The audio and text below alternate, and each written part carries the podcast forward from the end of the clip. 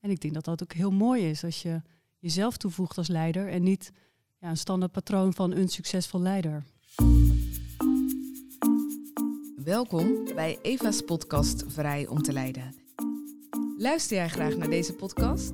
Join onze community en betaal slechts 25 euro voor een jaarabonnement op het Eva magazine. Ga naar eva.eo.nl slash abonnee. Bij mij zitten Jolanda en Sarah. Zij zijn beide coach, trainer en leiders en onderdeel van Expand Nederland. We gaan in deze vijfdelige podcast luisteren naar hoe leiderschap precies in elkaar zit en wat Sarah en Jolanda ons kunnen leren over leiderschap.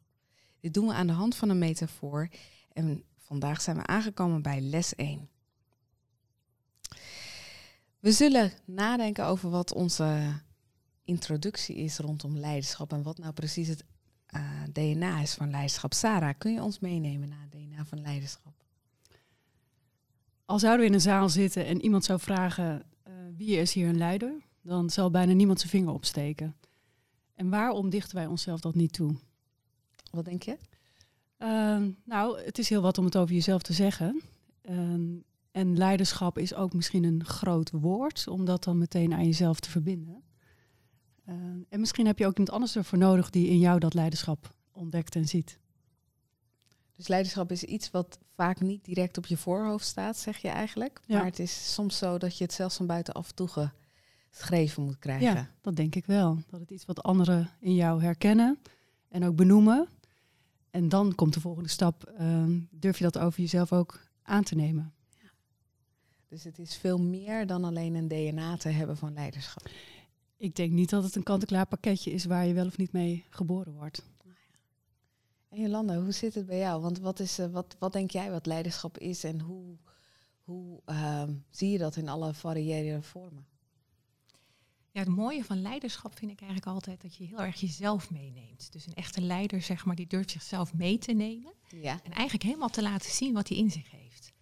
En dan komt ook dat stuk karakter mee, maar ja. ook de diepste verlangens van mensen. Ja, en dan, maak, dan heb je eigenlijk authentiek leiderschap. En dat kan dus in allerlei vormen en situaties. En, uh... Ja, uiteraard. Heb je een verhaal daarbij of zo, of een voorbeeld? Ja, nou, dat is eigenlijk wel heel leuk. Op de lagere school van mijn uh, zoontje, uh, daar was een vrouw en die was doof. En, en het jongetje ook. En ik vond het wel heel bijzonder dat er een initiatief kwam vanuit het uh, ja, vanuit de groep zelf. Er was een moeder en die dacht, ah, hier ligt eigenlijk een nood. Want zij kan eigenlijk helemaal niet aansluiten. Hè. En uh, wat heel mooi was, was dat zij zegt van, hé, uh, hey, er is gewoon hier iets nodig. En zij is een gebarencursus gaan organiseren, waarbij de hele klas heeft aangesloten. En je zag ook gewoon dat deze moeder en dat jongetje, zeg maar, ja, helemaal meekwamen. En dat vind ik een heel mooi voorbeeld. Iets heel kleins, een nood zien ja. en daarop acteren. Dus helemaal niet per se, uh, ik ben leider, dus ik ga het wel regelen. Of ik ben de klasseouder, maar ik pak gewoon initiatief in een situatie die nodig is. Voor ja, en ook vanuit een stuk gevoel, hè, zien wat nodig is en daarna handelen. Ja, ja. ja. Dat is denk ik ook wat leiderschap is. Maken wij het dan niet altijd te groot met grote woorden? Ja, ik denk het wel. En ik denk dat dat juist ook maakt dat heel veel mensen denken, oh, leiderschap, dat is zo groot, dat kan ik niet. Of dan moet je ambitie voor hebben. Terwijl ik denk van, nou weet je, als je heel klein begint, soms kan het een klein zaadje zijn en dat mag ook gewoon groeien. Ja, ja, hmm. ja. En is dat op elk gewenst niveau heel klein beginnen? Dus heb je altijd die uitdaging, op welke positie je ook zit? Er zullen mensen zijn die leiders zijn en er zullen mensen zijn die van zichzelf nooit beseffen dat ze een leider zijn. Geldt dat altijd, zeg maar? Dat, dat weer om je heen kijken? Nou, ik denk wel als je authentiek leiderschap wil hebben, heeft het ook altijd te maken met iets wat ook in jezelf zit. Daar waar je nood ziet. En dat kan zijn dat je iets zit wat je beweegt van mhm. binnenuit. En daar kan je je op verbinden. En dat woord verbinding, zeg maar, is een belangrijk. En dat maakt, zeg maar, dat je datgene wat je doet ook van binnenuit doet. Dus met, vanuit een motivatie. Die Overtuiging en motivatie hoor ik jou eigenlijk zeggen. Heb je daar iets, uh, Sarah, heb je daar een... Um, weet je, jullie hebben heel veel kennis. Jullie uh, geven allebei trainingen rond vanuit Expand. Dat is een... Uh, nou ja, een plek die helemaal gespecialiseerd is op leiderschap. Je bent zelf ingenieur. Um, heb jij ideeën of theorieën waarvan je zegt, nou, dit helpt mij altijd als ik daarover na moet denken, over een stukje DNA van leiderschap? Leiderschap is denk ik iets waar ongelooflijk veel modellen al op zijn losgelaten. Mm. En ik denk wat Jolanda zegt, dat het heel belangrijk is dat je dicht bij jezelf blijft. En dat lijkt heel simpel, maar om dat in de praktijk te doen, als er van alles op je afkomt en dan toch naar binnen gaan en, en klikken van hé, hey, dit ben ik en zo wil ik op dit moment uh, me gedragen of iets zeggen, daar heb je wel moed voor nodig. En ik was heel aangesproken door het boek Anticipeer van uh, Rob-Jan de Jong. Ja. En hij schetst daarin een model uh, met twee assen. En dat model gaat over visionair leiderschap. En die assen, hoe staan die? Eentje rechtop, dus je hebt uh, een, een, horizontale as en een verticale as. En op de verticale as heeft hij dan een, een lat gelegd van laag naar hoog. En dat gaat over de juiste verbindingen kunnen leggen. Dus we zien van alles om ons heen, er komt van allerlei informatie op ons af. En dan daarin de hoofdlijn ontdekken en de, uh, de bijlijn of de bijzaken. Ja, dat, dat is wel een vaardigheid. Uh, en die kan je ook ontwikkelen door jezelf steeds te blijven oefenen om goed te kijken, open te kijken.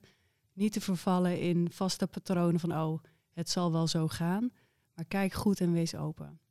En de andere as, de horizontale as, daar heeft hij uh, opgezet het tijdig herkennen van veranderingen. Ja. Ja, en veranderingen, hoe herken je dit? Uh, die, dat heeft denk ik te maken met hoe je om je heen kijkt uh, en wat je ook weet te herkennen. Kijk, als je alleen op veranderingen let, dan word je een trendwatcher.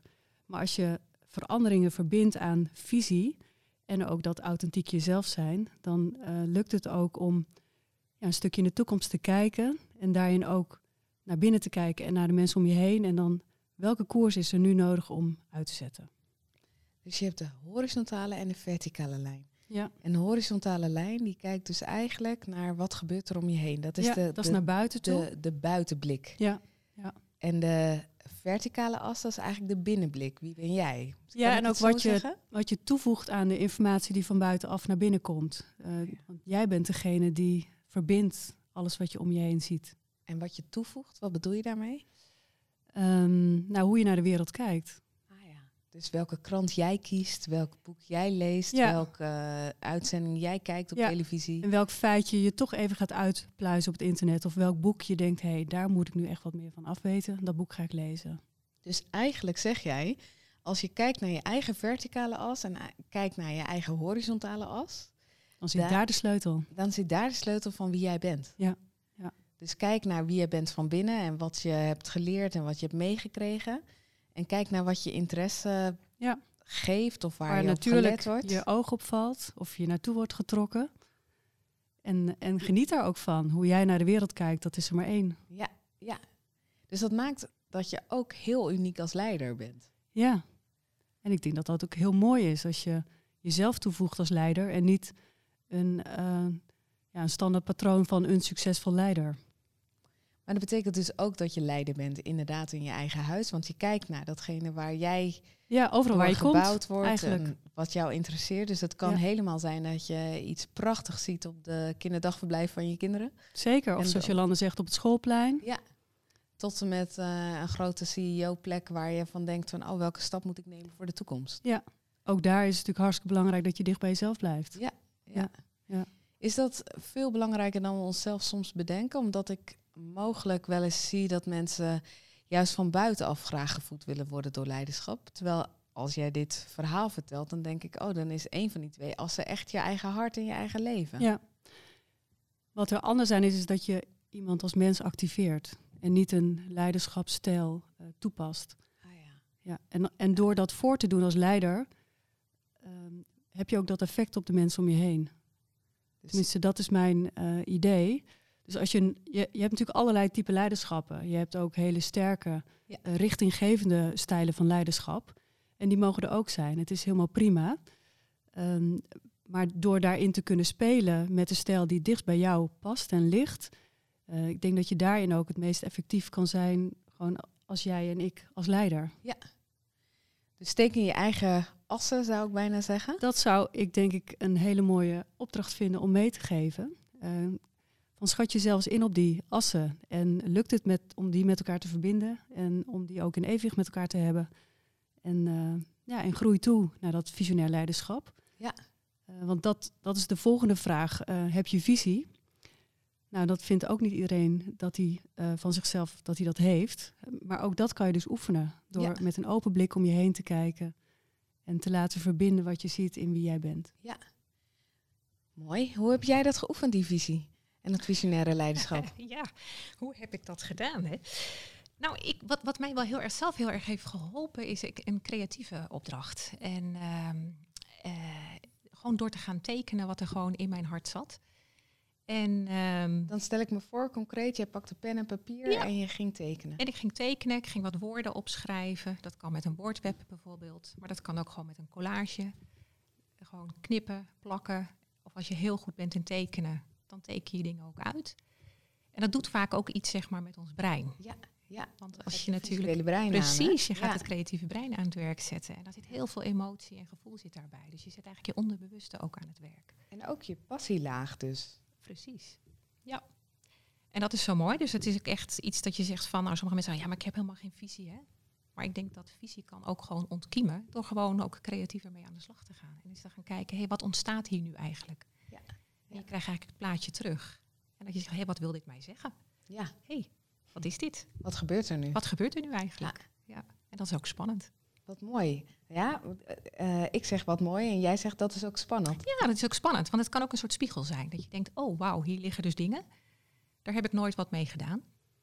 En nu, dat is dan wel een spannende. Dus stiekem kan er ook iets boven komen dat je denkt, mm, ik word er eigenlijk heel ongemakkelijk van als ik dat opschrijf. Of omdat het zo open en bloot van mezelf te zien. Ja, en ik, wat natuurlijk dan wel prettig is, dat je denkt, oh, het is ook maar weer papier. Hè? Maar aan de andere kant uh, denk ik ook van, dit is misschien ook juist goed als je dat ziet. Dat je denkt, hé, hey, wacht eens even, maar ik kan er misschien ook wat mee. Welke pak ik nu op? Ja. Niet alles hoeft tegelijk, maar er zit een beeld in dat je denkt, hé. Hey. Het verrassende is vaak, dat heb ik zelf ook heel vaak gemerkt, is dat God daar soms ook in meekomt. Mm. En dat je onderweg bent en dat je denkt, hè, dit is wat ik getekend heb. Maar dit is eigenlijk wat hier nu in de realiteit soms ook gebeurt. Mensen die op je pad komen, uh, maar ook dat het zich vormt, een tekst die je aanspreekt, uh, een preek, kan van alles zijn, muziek. Dus het DNA wat in jou zit, dat is, heeft natuurlijk een heel duidelijke schepper. Dus. Zeker, ja, ja. En eigenlijk zeg je dus van nou, God maak het maar wakker. Ja. Heel mooi.